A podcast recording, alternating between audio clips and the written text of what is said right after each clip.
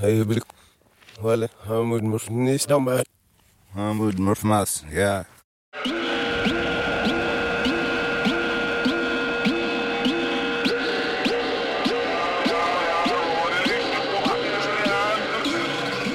Hi, Sam from Duma. What's up, Clandestino?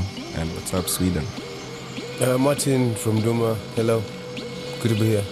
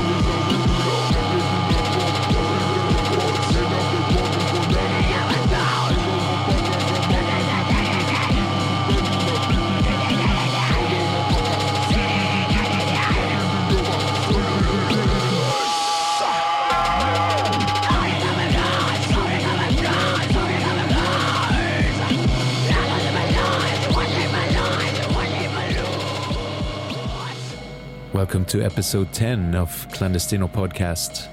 I'm Marcus Gorsch.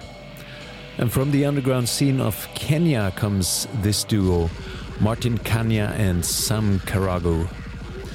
As Duma, they make extreme metal using samples, synthesizers, found sounds, and drum machines played sometimes at 666 beats per minute.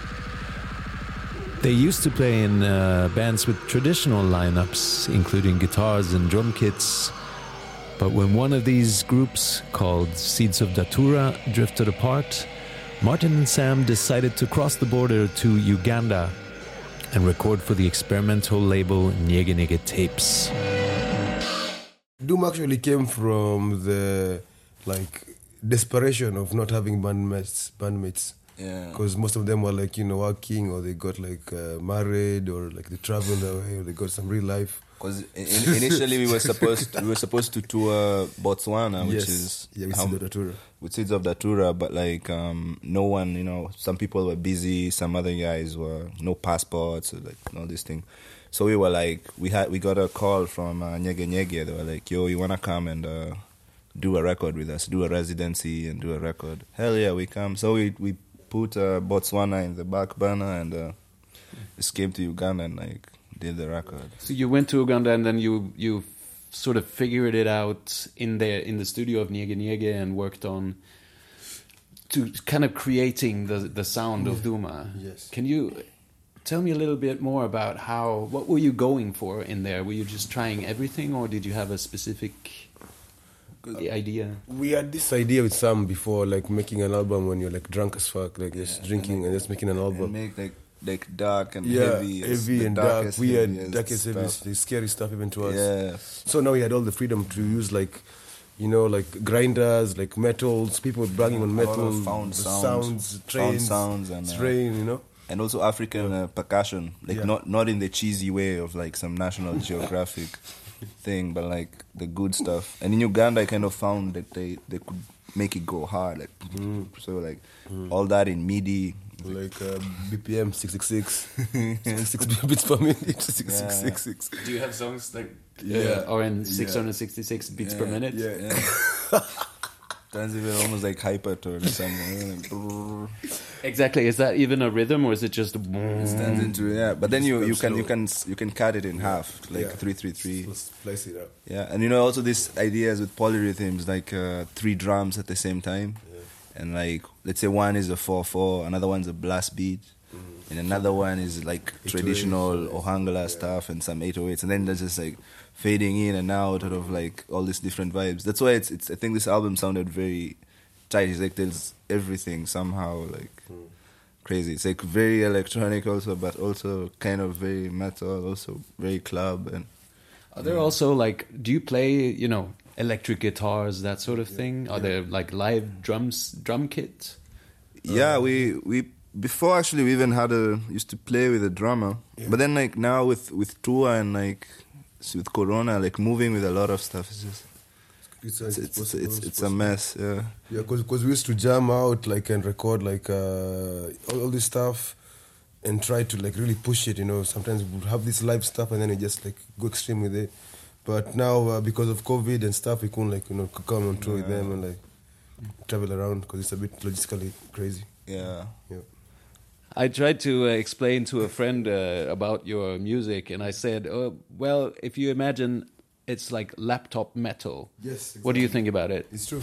Because we didn't have a band like traditionally. We also had to improvise with the with softwares and you know sa- samples and Sa- field recordings and MIDI controllers. MIDI controllers and synthesizers and, then just put and, the and raw then like boxes on because if we play live and we're two people, you know, it's like.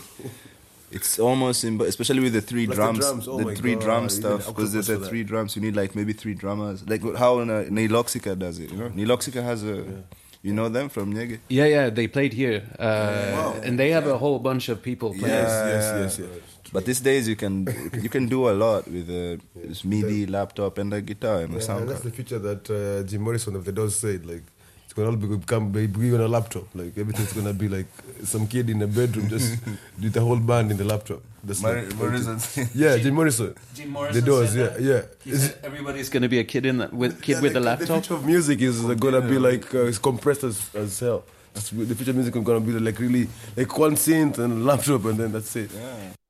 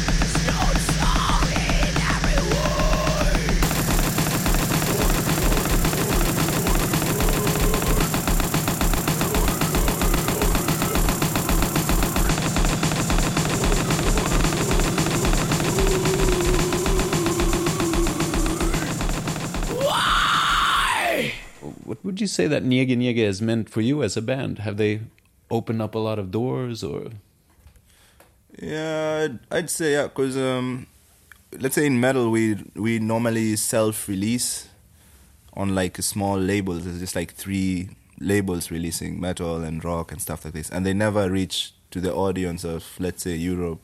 And if they do, it's like very small. The distribution is, uh, but then here they have like a bigger network, and they have the, the huge ass festival where a lot of uh, bookers come from other festivals.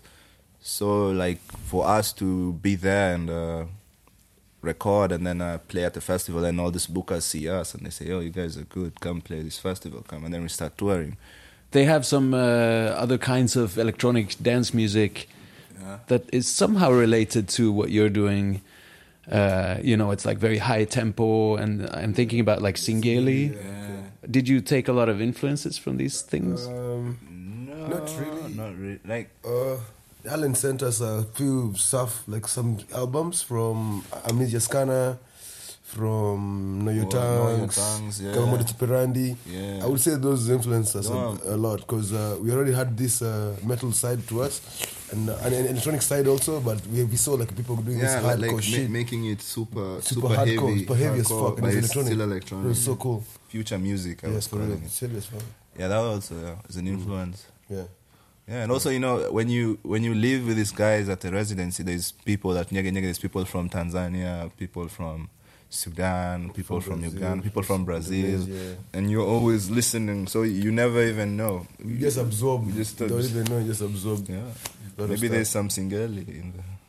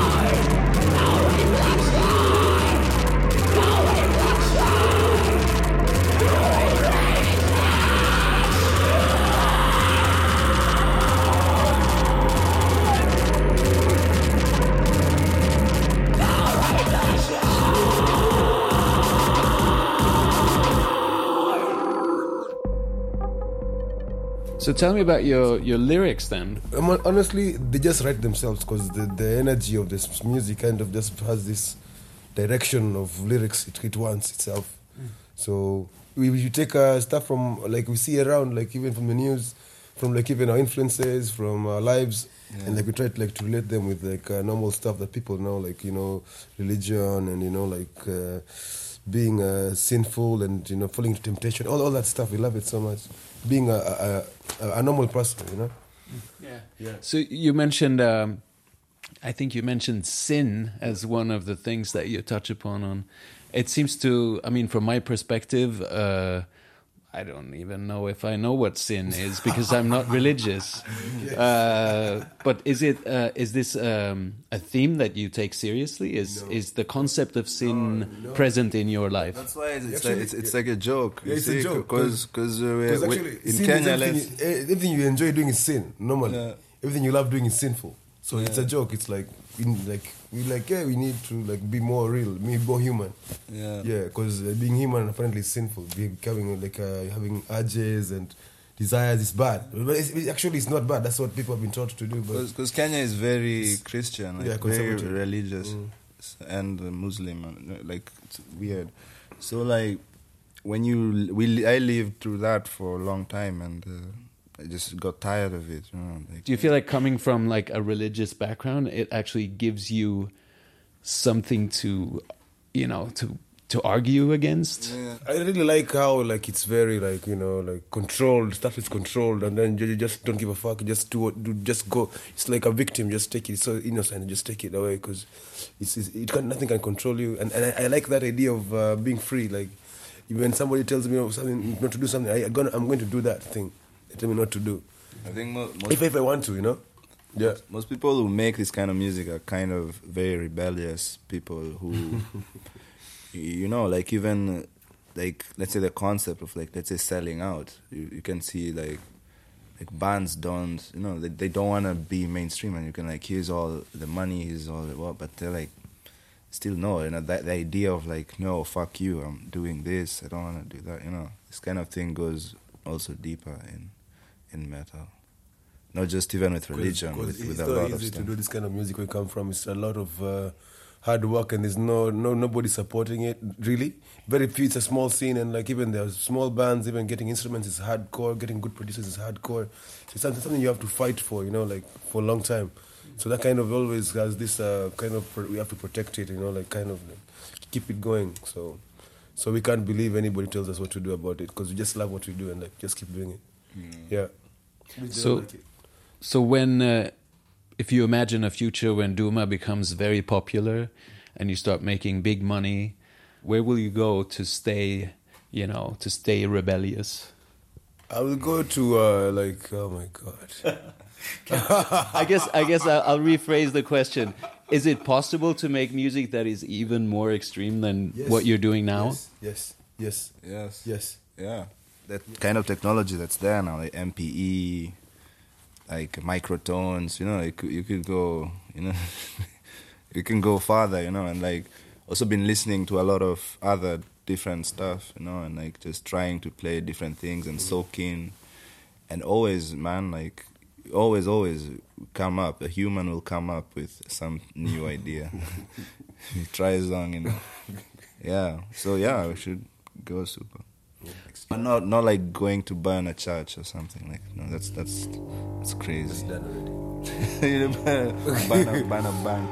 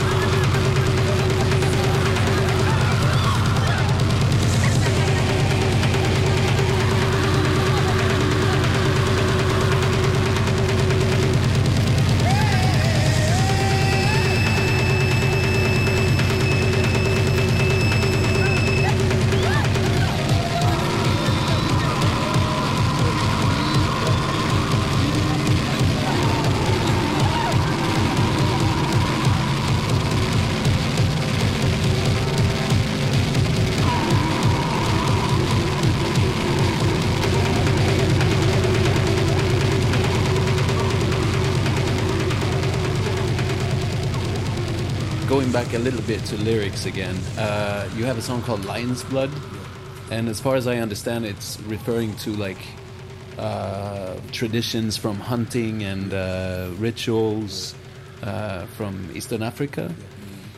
Uh, can you tell me about the song? What is it about? Uh, it's about you know normally in in my culture because I'm half Masai and half Kikuyu. Normally, for you to be right, right now, guys are now like you know civilized. They don't do that, but don't do that The, the, in the past, like even not so far back, they used to like you have to go to the woods, to the forest, like for like a few weeks, you know, and like survive there with your with your crew, like your same age group, and like you have to hunt a lion or hunt lions, and get a lion. Like that's how you become a man, you know. And that thing was crazy because you were alone. There was no food. It was, it was you have to like even steal the lion's food, you know. So it was like uh, based on that concept basically because because of the, uh, like the challenges uh, people have to go through to become themselves because it's not easy to be you It- like the whole thing is set up to the whole every all the odds are against you being yourself so you have to like fight for it and like you know work hard for it and uh, and then you come back like uh, with uh, like you know with like majesty you know and, yeah. And also, it's like a it's like a play on words as well, because lion's blood is a is also a name. Okay, tears of the lion in Yeah, in, in yeah, Swahili is is, Yeah, it's, is uh, liquor, is alcohol. is alcohol. So now also it's so now you can imagine what the blood of the lion is. It's like some hardcore like, like- alcohol. Like if you watch the video and like people drink this stuff and then they all. Die. So it's And like then no also lyrically like kind of both sides like also play on this on word and also about this uh, ritual of killing lions I've I've watched the video. It's somehow it seems very scary. There's the swim there's the swimming pool and it's full of something a red kind of liquid and people are drinking what looks like red uh, Fanta or soda or something. But because of the music, it's just like oh my god, it's so scary. and it was funny because the idea of the Fanta was that the Fanta was orange so you could just change all the orange on editing to be like blood and then now the blood the blood yeah in post. And then now the the blood looked so fake and I'm like yes we want it to look that fake like some Gatorade you know? And like, They get There's like a lot of like B movies, you know, this kind of horror thing. Yeah, I don't know why, but I think it works for some yeah, exactly. It- And I remember that we had this idea of like slapping someone's beer belly for the for the drums. To Somebody's, uh, yeah, even- pregnant. Yeah, we was pregnant. It was like get a pregnant woman. Like, but then we're like, ah, maybe, maybe the drums like- Wait, you're playing drums? Somebody's playing drums on a pregnant woman's yeah, belly? we, we were Yeah, supposed right, to we're do that, to do that, and but uh, like, no, no, no, no. it's too much, maybe. What's, what's going on? But I want to ask these these sort of I don't know folklore and uh, rituals and all that. Is it? Would you say that it's a part of your a part of how you grew up hearing about these rituals, or or is it sort of just this weird thing that you like to write about because it's a scary kind of music? Uh, it's part, it's of part of how we grew up. For me, honestly, because most of my people are like still deep into it till today. Yeah, so it's something like uh, been in our, our family, uh, my family, for a long time. Yeah. Uh, from the Mau Mau also. Yeah, from the mama, cause from even my uh, aunties were like, you know, like wizards and stuff, doing magic. Yeah. Witch doctors.